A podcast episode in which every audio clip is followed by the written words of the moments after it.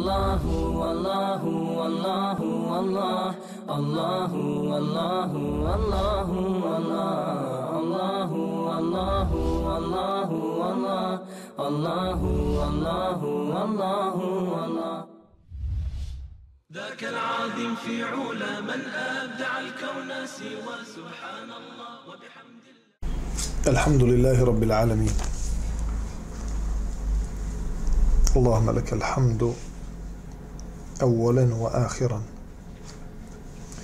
ولك الحمد كما ينبغي لجلال وجهك ولعظيم سلطانك. اللهم صل وسلم وبارك على محمد بن عبد الله وعلى آله وصحبه أجمعين. اللهم علمنا ما ينفعنا وانفعنا بما علمتنا وزدنا علما يا كريم. اللهم رب اشرح لي صدري ويسر لي أمري واحلل عقدة من لساني يفقه قولي وبعد الله جل شانه se zahvaljujemo i na početku i na kraju. Salavate i salame donosimo na Allahu poslanike miljenika Muhammeda alaihi salatu wasalam na njegovu porodicu, časne ashabe i sve vjernike i vjernice koji slijede u dobro do sunnjega dana.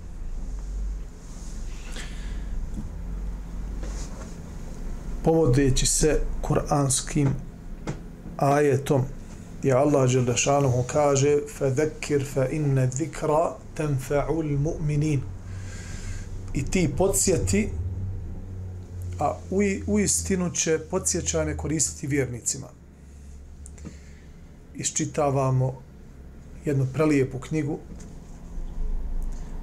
bašću za one koji su na pravome putu, za dobre ljude, za one koji žele da poprave svoje stanje. Čitajući ono što je pisac napisao, što je uvrstio ovdje od ajeta, hadisa, od izreka, u nadi da ćemo popraviti svoje stanje, jer insan je po svojoj prirodi sklon zaboravu. Insan je po svojoj prirodi sklon tome da smetne sa uma, da postane lakomislen i da mu se promijeni stanje veoma brzo. Čovjek je takav da iz jednog stanja u drugo stanje veoma brzo može da upadne i zato je jako bitno da insan sluša predavanja na kojima će biti podsjećan, na kojima će biti opominjan, na kojima će biti savjetovan. To je jako bitno. I jedna opasna zamka se nalazi u rečenici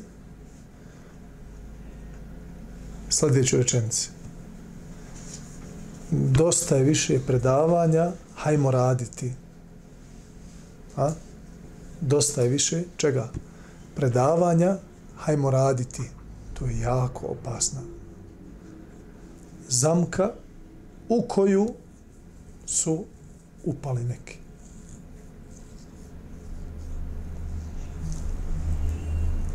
A kad jednom upadneš tu zamku, teško ćeš izaći i izliječiti se od tog otrova kojeg si možda svjesno ili nesvjesno popio a to je opijum za srce. Da čovjek padne u gaflet, u nemar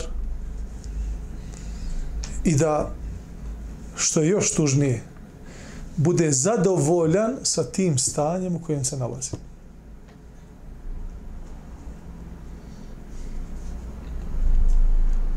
Mi ne izmišljamo ništa novo.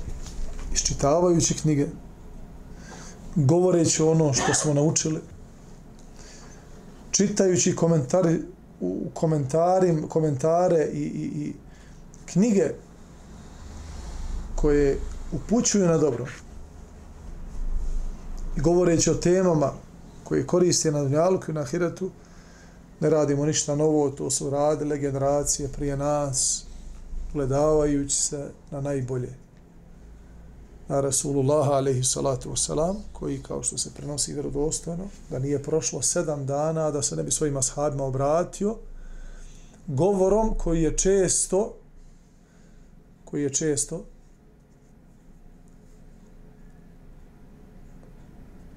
iznuđivao suze ashaba u njihovim očima i mijenjao njihova stanja na bolje. Pa su se nakon rastanka sa Allahovim poslanikom, ali salatu wasalam, toliko napunili pozitivom, toliko napunili energijom, imanom, da su bili spremni da ponesu emanet Islama onako kako Allah Đelešanohu traži od njih.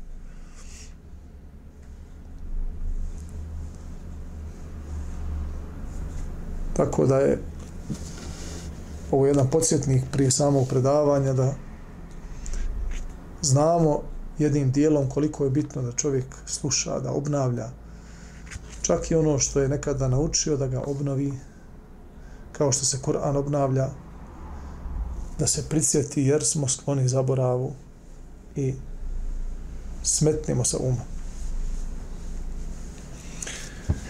Stali smo na jednom jako zanimljivom hadisu, jednoj predaji koja se prenosi od Ebu Abdurrahmana, Abdullaha sina Omera ibn al-Khattaba radijallahu anhuma. Čovjeka koji je trudio se da u svakom djeliću svoga života slijedi Rasulullah alaihi salatu wasalam i to je jedan od mladića koji je primio islam to jeste prihvatio se znači vjere u ranom djetinstvu. Sa svojim babom odrastao i bio jako pametan učen i mudar, mudar mladić Abdullah ibn Omer ibn Khattab radijallahu anhuma. On kaže da je čuo poslanika sallallahu alaihi wasallame da je rekao znači pričao im je sallallahu alaihi wasallame događaj koji se desio u prijašnjim narodima trojica ljudi iz prijašnjih naroda kaže sallallahu alaihi wasallame krenuli su na dalek put i putovali su sve dok ih noć ne zateče pored jedne pećine u koju uđeše kako i prenoćili. Međutim, u tom trenutku odroni se jedna stijena i potpuno zatvori ulaz u pećinu. Znači, zatvorila se pećina kada, kad su oni već ušli u pećinu. Da se slone u toj mrkloj noći i da ujutru nastavi put.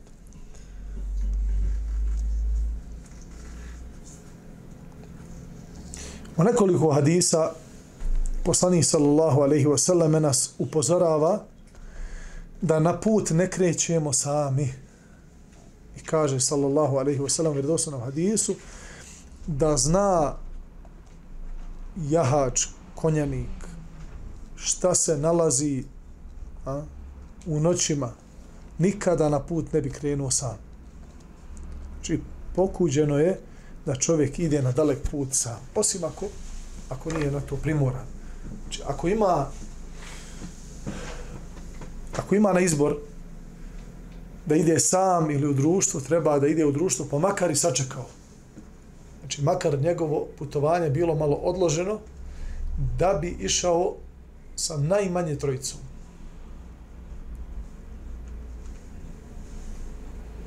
Jer šeitan je sa jednim čovjekom. To je jedna stvar. Druga stvar, nelagodnosti putovanja i situacije koje se ne mogu predvidjeti na putu, ako uhvate samoga čovjeka, teže će to sve da otloni i da se s time izbori nego kada je u džematu.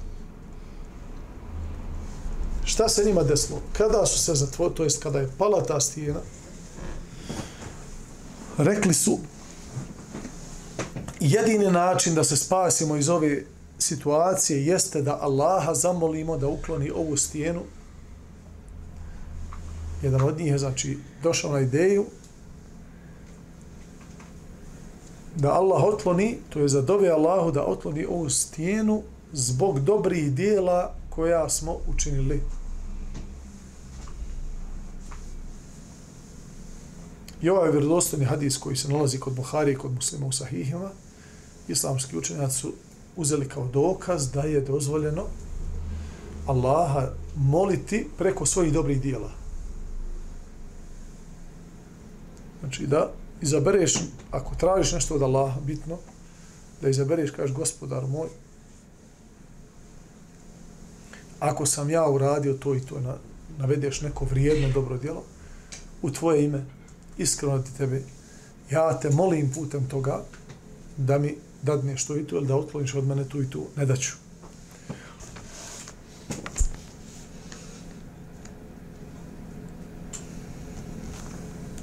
Ovdje, da kažem, ima jedna mala anegdota, a i da čovjek sam sebe zapita.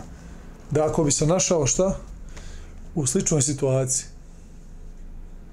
Sad da se nama desi ovo isto. I da mi trebamo da neko dođe na ideju i kaže, hajmo, svi dobiti Allahu, da izaberemo jedno dobro dijelo koje smo učinili u ime Allaha, koje je vrijedno toga da Allah otkloni od nas ovu stijenu i da izađemo, nastavimo svoj put i da ne umremo tu od ladi, da li u našim životima postoji dobro djelo koje, mi bi, koje, mi, koje bi mi mogli da spomenimo u toj dobi. Vidjet ćemo koja su dobra djela ova trojica spomenula. I onda svaki čovjek, svako od nas nek se zapita da li u svome životu ima neko djelo koje bi bilo kod Allaha toliko vrijedno da Allah pomakne Allah je kadar svega. Ali da li smo mi zaslužili u tom momentu kada dobijemo da Allah makne tu stijenu i da mi nastavimo živjeti i da izađemo iz,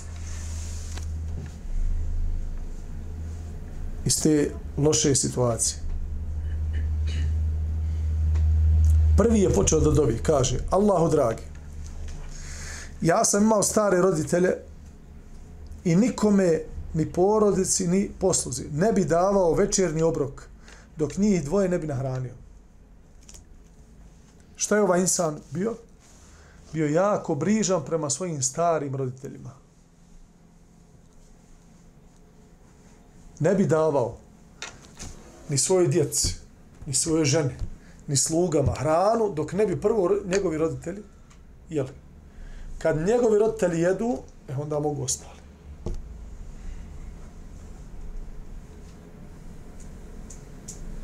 Ima li gdje hadis da piše treba ovako postupiti? Znate li? Da ima hadis, kaže, prvo nek jedu roditelji, pa onda ostali. Ili ima hadis? Zašto ovaj čovjek tako postupio?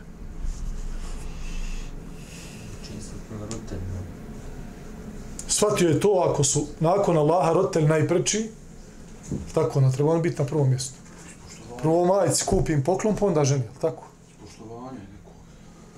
Iako nema hadis.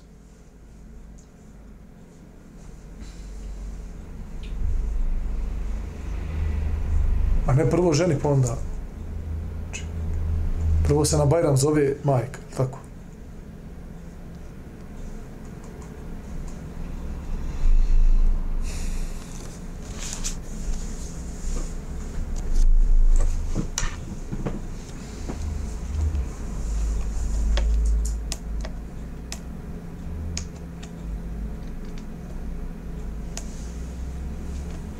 Kaže ovaj dalje.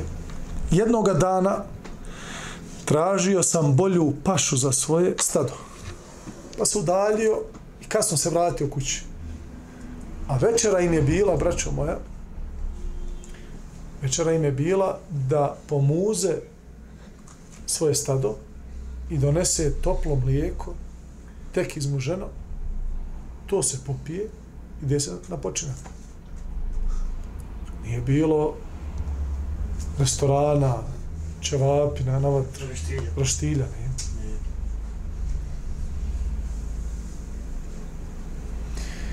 Dok je on se vratio kući, roditelji zaspali, stari roditelji, nismo mogli ga sačekati. Djeca gladna, čekaju večer. supruga gladna, čeka večer. Sluge radile, čekaj večer. Kaže, ne, ne, ne, roditelji, kako ću ja to sad da prekršim? Jer on je nosio zdjelu da se oni prvi napiju. Kad im došao, oni spavaju, on je sjeo, hajko, sad će se probuditi, jer su i oni gladni bili. Međutim, njih je san prevario i oni su spavali sve do zore. A on je do zore je držao posudu, čekajući svake minute iz minutu u minutu. Ne bil se majka i babo probudili, da im dadne da se napiju, da odnese kasnije djeca. Dok je on čekao, djeca su plakala u drugoj sobi.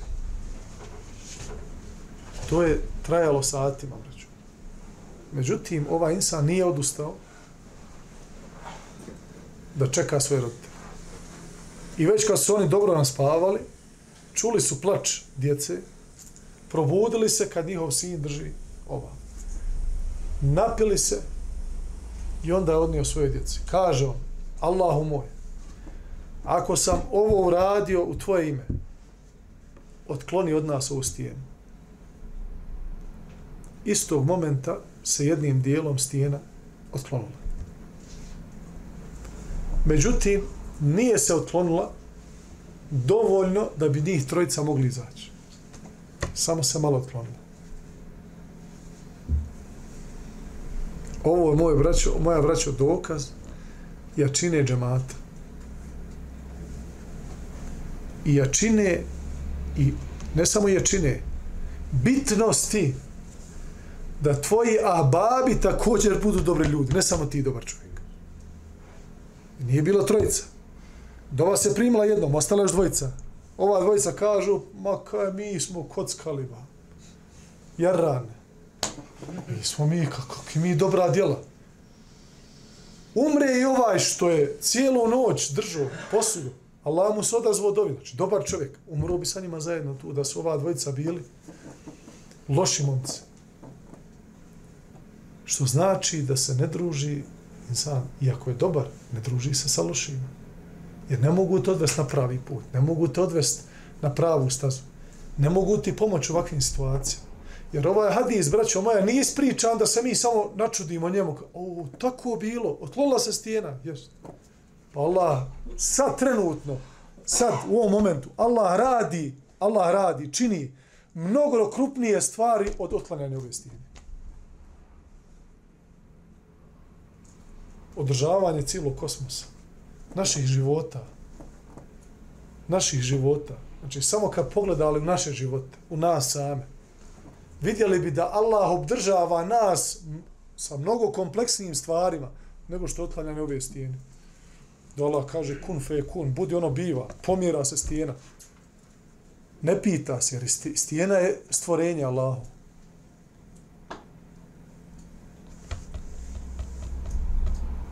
Ovaj svoju misiju završio. Kaže, Hamsa sad drugi. Ovaj drugi.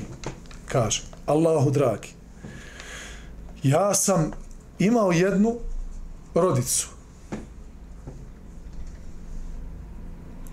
koju viđe ili volje više od cijeloga svijeta.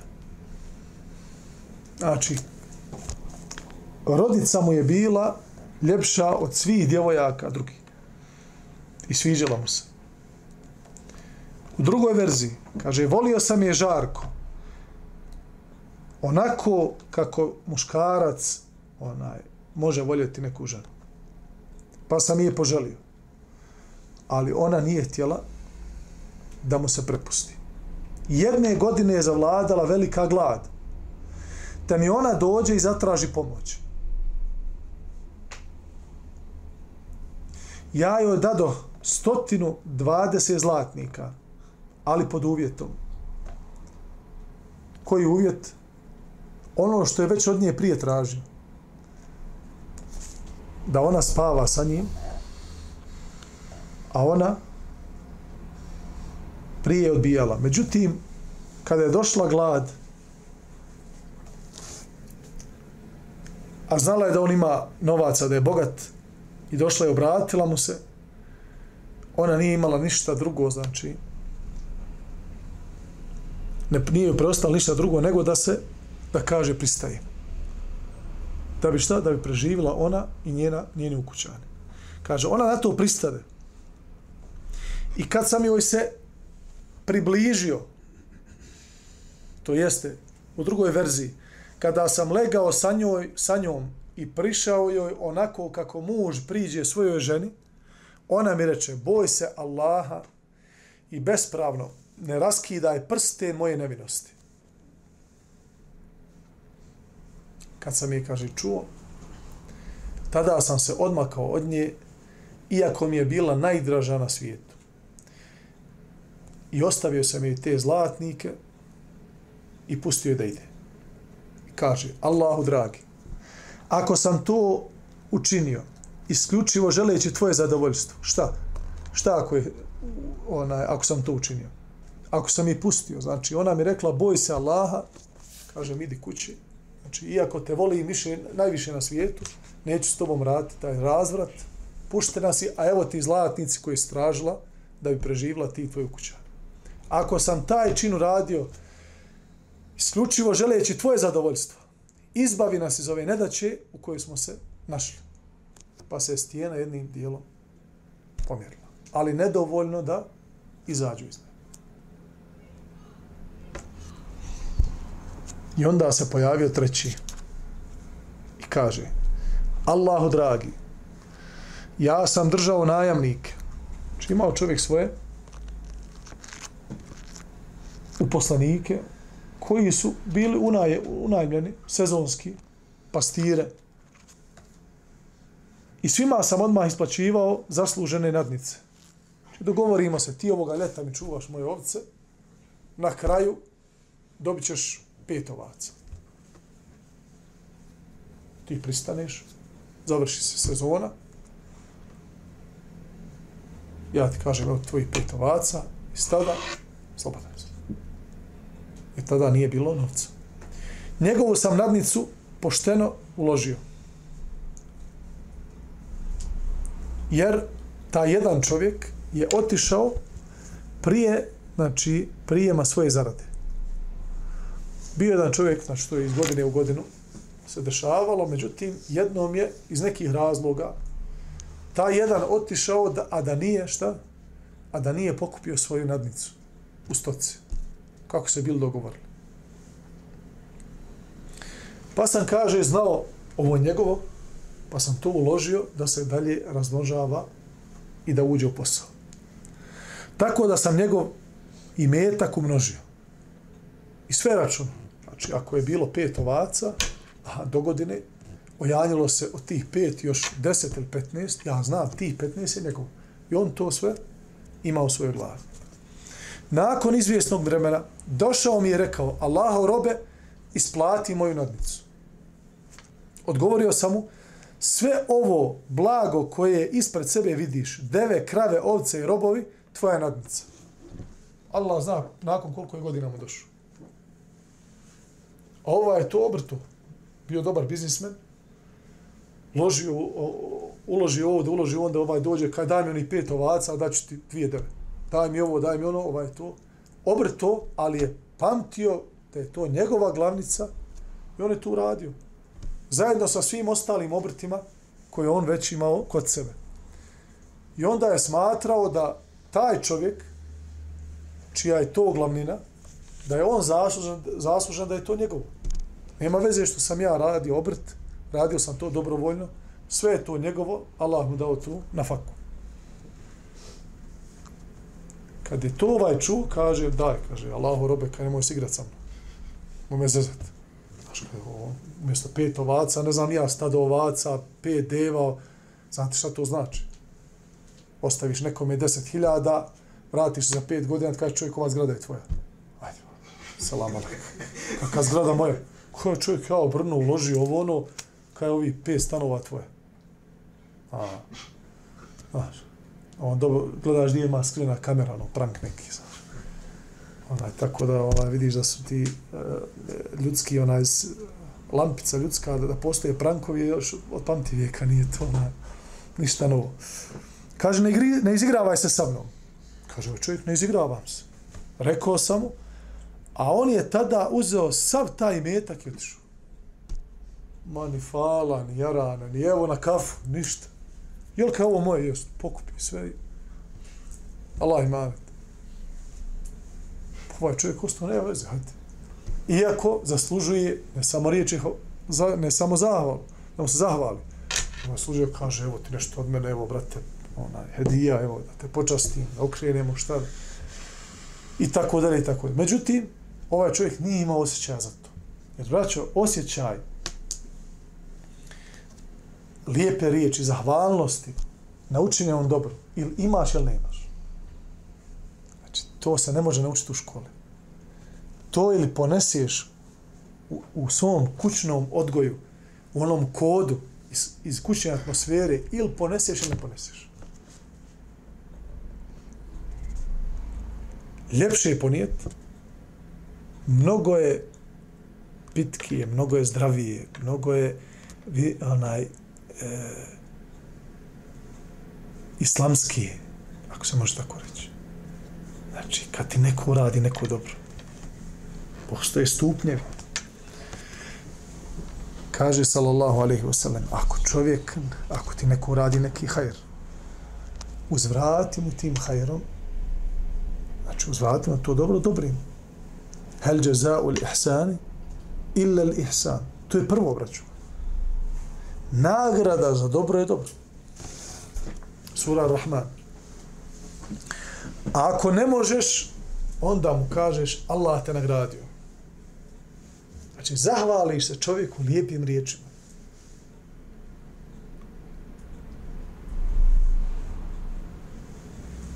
Jer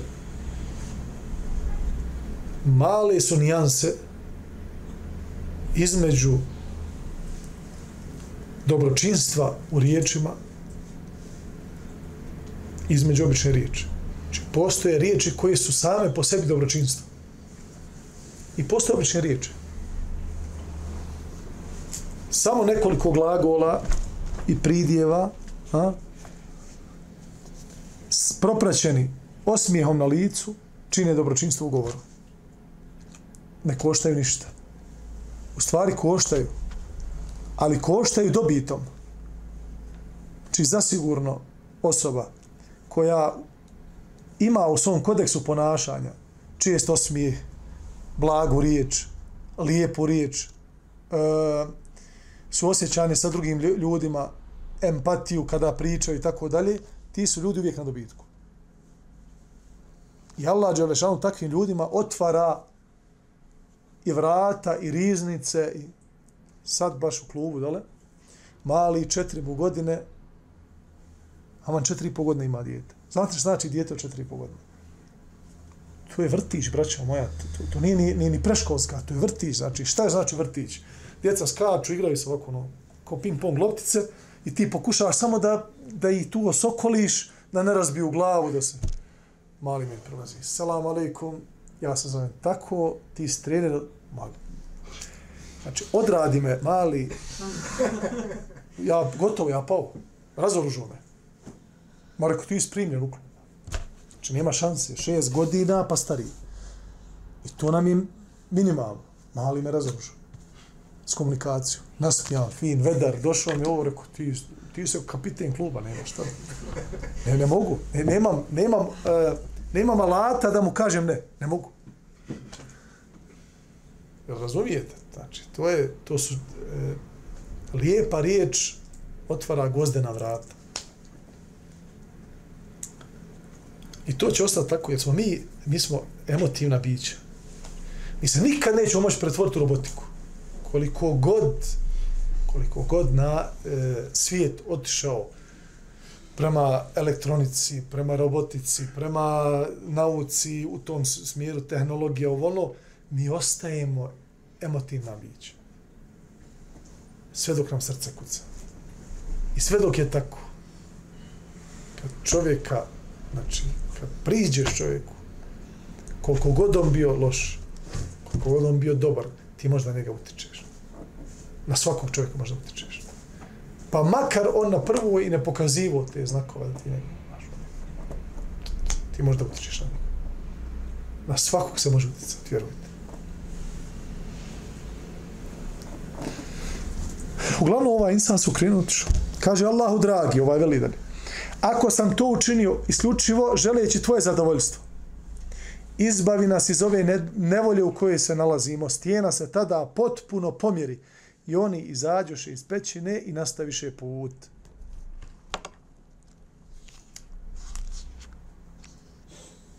Ovo je jedna velika pouka, braćo moja. I onda, nakon toga, imamo jedno mini poglavlje o teubi. Imali smo prvo, šta smo rekli? Imali smo nijet. Jer je iskrena namjera najbitniji temelj. Znači, od nije se polazi. Od iskrene namjere se polazi svako dijelo naše, svak, svaki naš pokret i svaka naša statika zbog iskrene namjere postaje dobro djelo. Nekada je dobro djelo statika, da ništa ne uradiš. Bivaš pozvan na grije, ne odazoveš se dobro djelo. Jel to statika jest? Ništa ne uradiš. Neko te zove na raspravu, nervirate, hoće da, da iznudi iz tebe lošu li riječ, ti ništa ne uradiš, šta si uradio? To uradio se dobro djelo. Ali mora postojati šta? Nijet. Namjera da ne uradi što u ime Allaha Đelešanu. Kao što je ovaj naš sahib, ovaj drugi, nije uradio grije, nije uradio fahišu, i zbog toga je bila jednim dijelom stijena otklonjena. Učenjaci kažu, obavezno je pokajati za svaki učenjeni grije. Ako se učini grije odnosi prema Allahu, ako je Allahov hak, njegovo pravo, znači potrebno je da se odma prestaje sa čijem grijeha, da se iskreno pokaje i da čovjek čvrsto odluči da se više nikada neće vratiti, vratiti tome grijehu. To su tri uvjeta za ispravnu teobu. Međutim, ako je taj grije povezan sa hakom ljudi, neophodno je izmiriti ljudsko pravo pored ova tri uvjeta.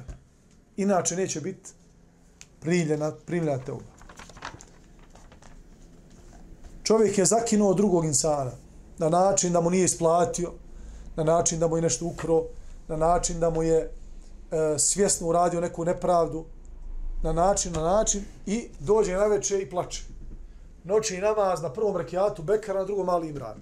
Uči i plače, Allah mu je oprostim. Nećemo Allah oprostiti sve dok ne vrati tom insanu hak, pravo njegovo koje mu je zakinuo.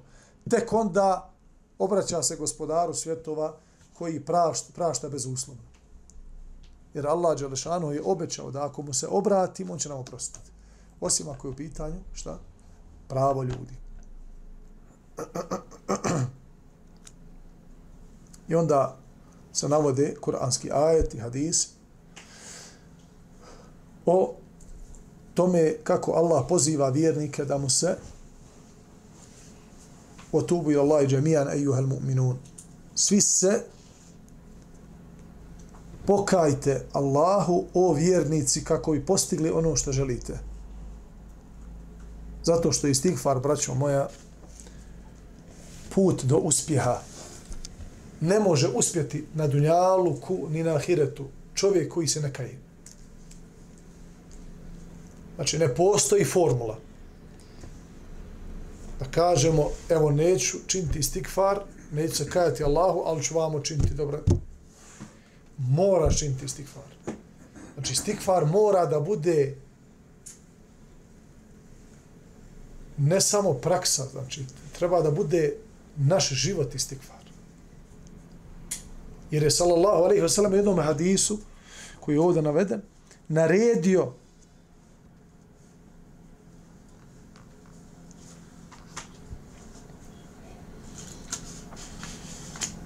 Ja juhan nas, kaže sallallahu alaihi wasallam, hadisu koji bileži imam muslim u svom sahiju.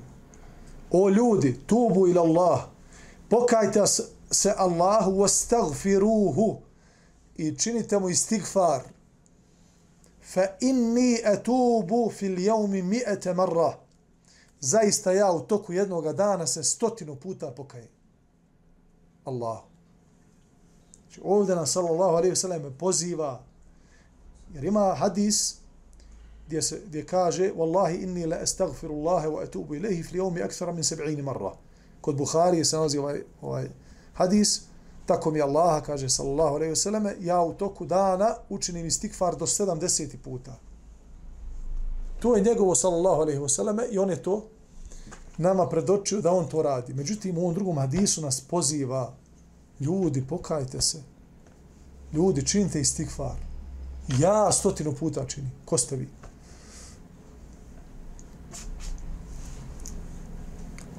I onda ide jedan hadis koji govori o Allahovoj dobroti i o njegovoj ljubavi prema ljudima.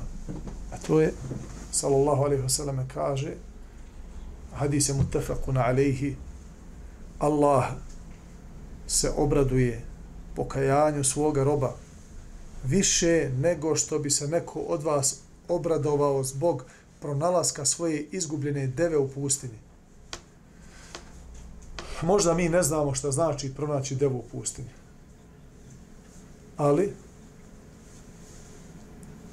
ukratko ću vam reći čemu se radi. Prije su ljudi putovali pustinjama od grada do grada. Znači, to je bilo udaljeno desetinama ili sto, stotinama kilometara. Imali bi devu, nema auta, nema aviona, nema kamiona, nema ništa. Na toj devi šta ima? Hranu, odjeću, vodu, sve što mu je potrebno za put. Normalno, ne može stići za 5 sati, za 10 sati. Putuje danima i noćima. U jednu od tih noći, dok je legao da, legao da odspava, odvezala se deva, bio je preumora, nije dobro stego, odvezala se deva i otišla. Jer devo ako ne zavežeš, ona ode. Ne ostaje na jednom mjestu. I neće ostati u svog vlasnika. Ona ode, traži, njuši, da li ima gdje vode, gdje ima oaza, gdje ima travka, jedna pojede. I zamisli, taj čovjek se ujutro probudi, sa jedne strane mu 50 km ili 100 km pustinja, temperatura 50-60, sa drugi sleđa sprijeda. Sa svih strana pustinja. Nema šanse da preživi, nema oaze, nema žive duše, nema mobitela. Nema deve. Lijevo, desno, gore, dole, zviždi, vič, nema gove, deve. Nigdje. Traži, traži, traži. Na kraju dana crko. Gotovo, izgubio nadu. Od tamo deva njegova. Tap, tap, tap, tap, tap, tap. I on zauzde, uhvati je, voda tu, hrana tu, odjeća, sve tu, deva tu, živa, zdrava. Kakva je njegova radost? Onoga ko je se spasio o sigurne smrti koja neće nikako biti blaga, nego će biti polako. Znači, minutu po minutu umireš. Gledaš kako odumireš sad. Neće to, ne možeš umrijeti odmah, od ladi u žeđu. Nego polako umireš danima. I onda se spasio.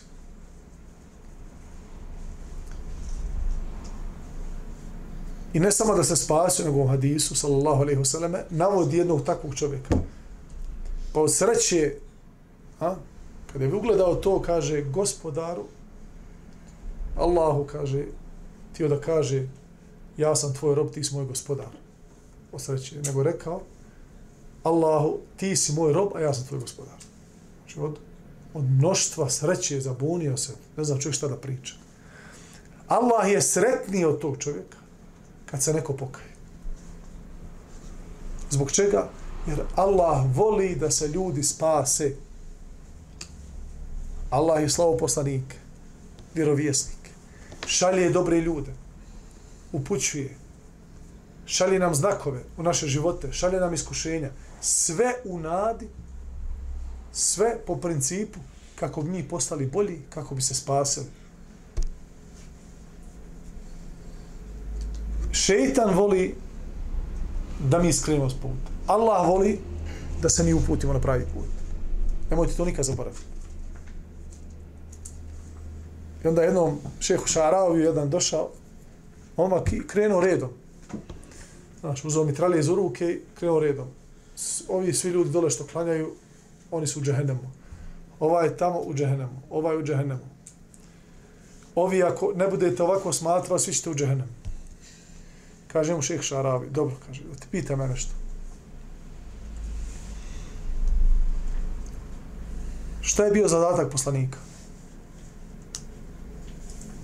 Je bio zadatak poslanika da ljude Allahom voljom uvedu u džennet? Da je upute na pravi put. Kaže, jest. Šta je cilj šeitana? Da ljude skreni s pravog puta i da istrovali vatru.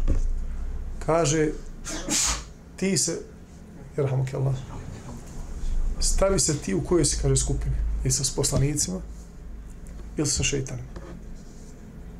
Skontaj koja je tvoja uloga u svemu ovome kad ti ovako pričaš.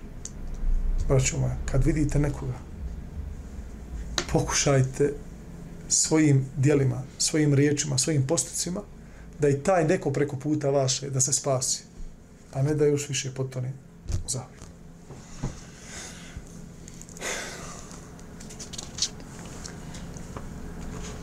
Allah Đalešanuhu, kao što je došlo u hadisu kod imama muslima, u sahihu, uzvišeni Allah drži svoju ruku ispruženu tokom cijele noći, primajući pokajanja onih koji su danju griješili, a danju pruža svoju ruku, primajući pokajanja onih koji su griješili noću, sve dok sunce ne izađe sa zapada. Či svakoga dana Allah Đalešanuhu pruži svoju ruku da se pokaju oni koji su griješili noću.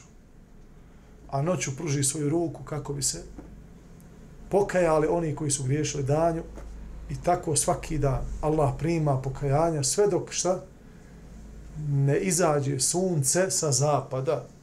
Jednog dana će, neće izaći sunce normalno sa istoka, nego će izaći sa zapada. Toga, od toga dana će ljudi nastaviti da živi na dunjalu određeno vrijeme, ali od tada se više pokajanje primat neće. Ko se je dotad pokajao, ko je bio vjernik, alhamdulillah. Ko nije bio vjernik, kod Kabe u prvom safu, između njega i Kabe, hađu lesved. Pet dnevni navaza i pet stotina rekiata na file dnevno, ništa. Ako prije toga bio nevjernik. Ne prima se. U drugom hadisu, kaže sallallahu alaihi wasallam, uzvišeni prima pokajanje svoga roba, sve dok mu duša ne dođe do grkljana. Šta znači dok mu duša ne dođe do grkljana?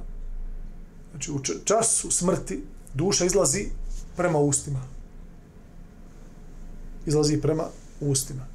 Kad krene da izlazi duša, šta se dešava, braćo?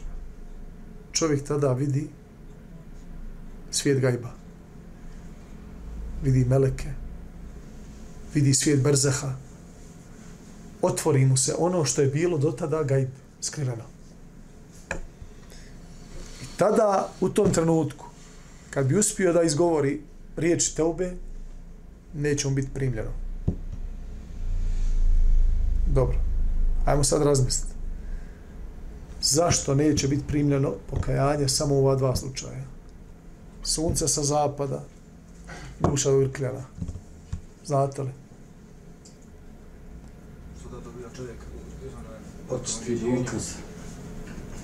Dobro, može li, potpuno ubjeđenje, šta? U? A dobro, a šta ako, se, a šta ako mi bez tog dvoga se ubijedimo, znači potpuno ubjeđenje dobijemo u Allaha, bez toga, u gajb, znači 100% vjerujemo, jakin 100%, primao se nama te oba tada.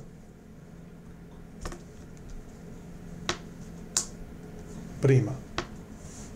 A što s ovima ne prima kad, kad se tad ubijede? Zašto je kasno? Jest, kasno je. Ali zašto je kasno?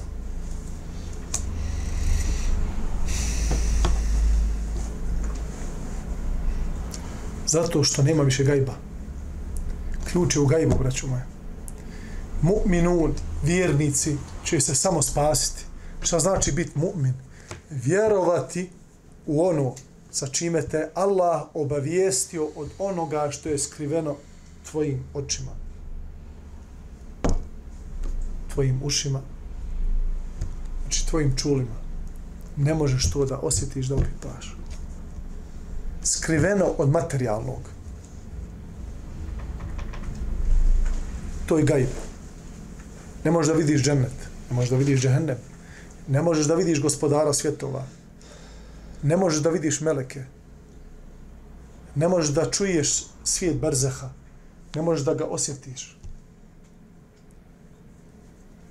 Ne možeš da vidiš u noći Leletul kadra kako se meleci spuštaju, pa ne postoji na zemlji ni jedan pedan. Znači nema ovako četiri prsta, a da nije jedan od meleka tu prisutan. Veliča gospodara, sišao u toj veličanstvenoj noći. Ti to ništa ne vidiš, ne osjetiš, ali vjeruješ u to, ubijeđen si. I ti se nazivaš mu'minom.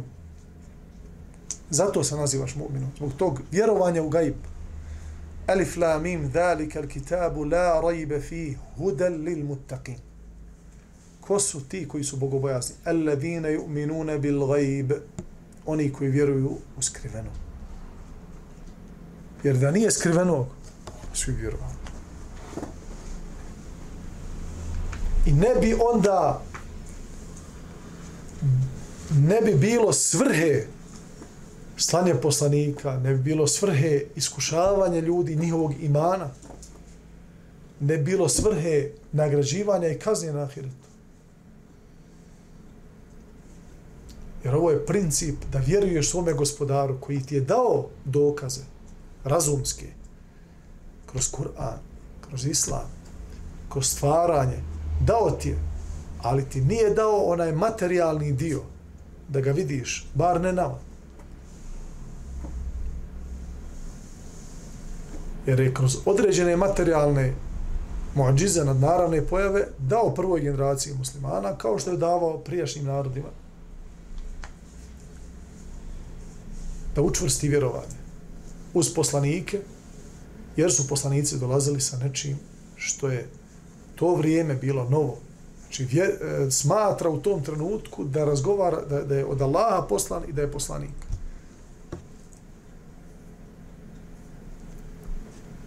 I Allah Đelešan svoje mudrosti šalje sa svakim poslanikom na naravne pojave kako bi se taj narod uvjerio da nisu lašci, da nisu jedni od desetine ili stotine onih koji slično tvrde, ali laž govore. I zato je velika počast i privilegija za onoga koji vjeruje u Allaha Đalešanuhu i nadati se Allahove milosti i nadati se njegovom oprostu i nadati se da će nam se smilovati na sudnjemu danu jer smo na ovome svijetu vjerovali njegovim poslanicima jer smo vjerovali njegovu objavu vjerovali smo njegovu riječ vjerovali smo u njega subhanahu wa ta'ala jednog jedinog, pa nam je to veliki zalog kod njega na sudnjemu danu.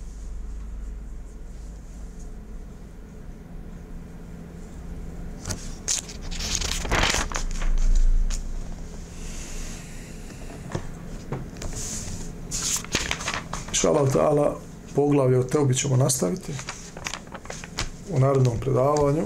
Allaha moleći da nam se smiluje, da nas poduči onome što koristi, da nam oprosti grijehe. Kulu qavli hada, wa astagfirullahi li wa lakum. Subhanaka Allahum bihamdika, šadu an la ilaha illa anta astagfiruke, wa atubu ilike. Wassalamu alaikum wa rahmatullahi.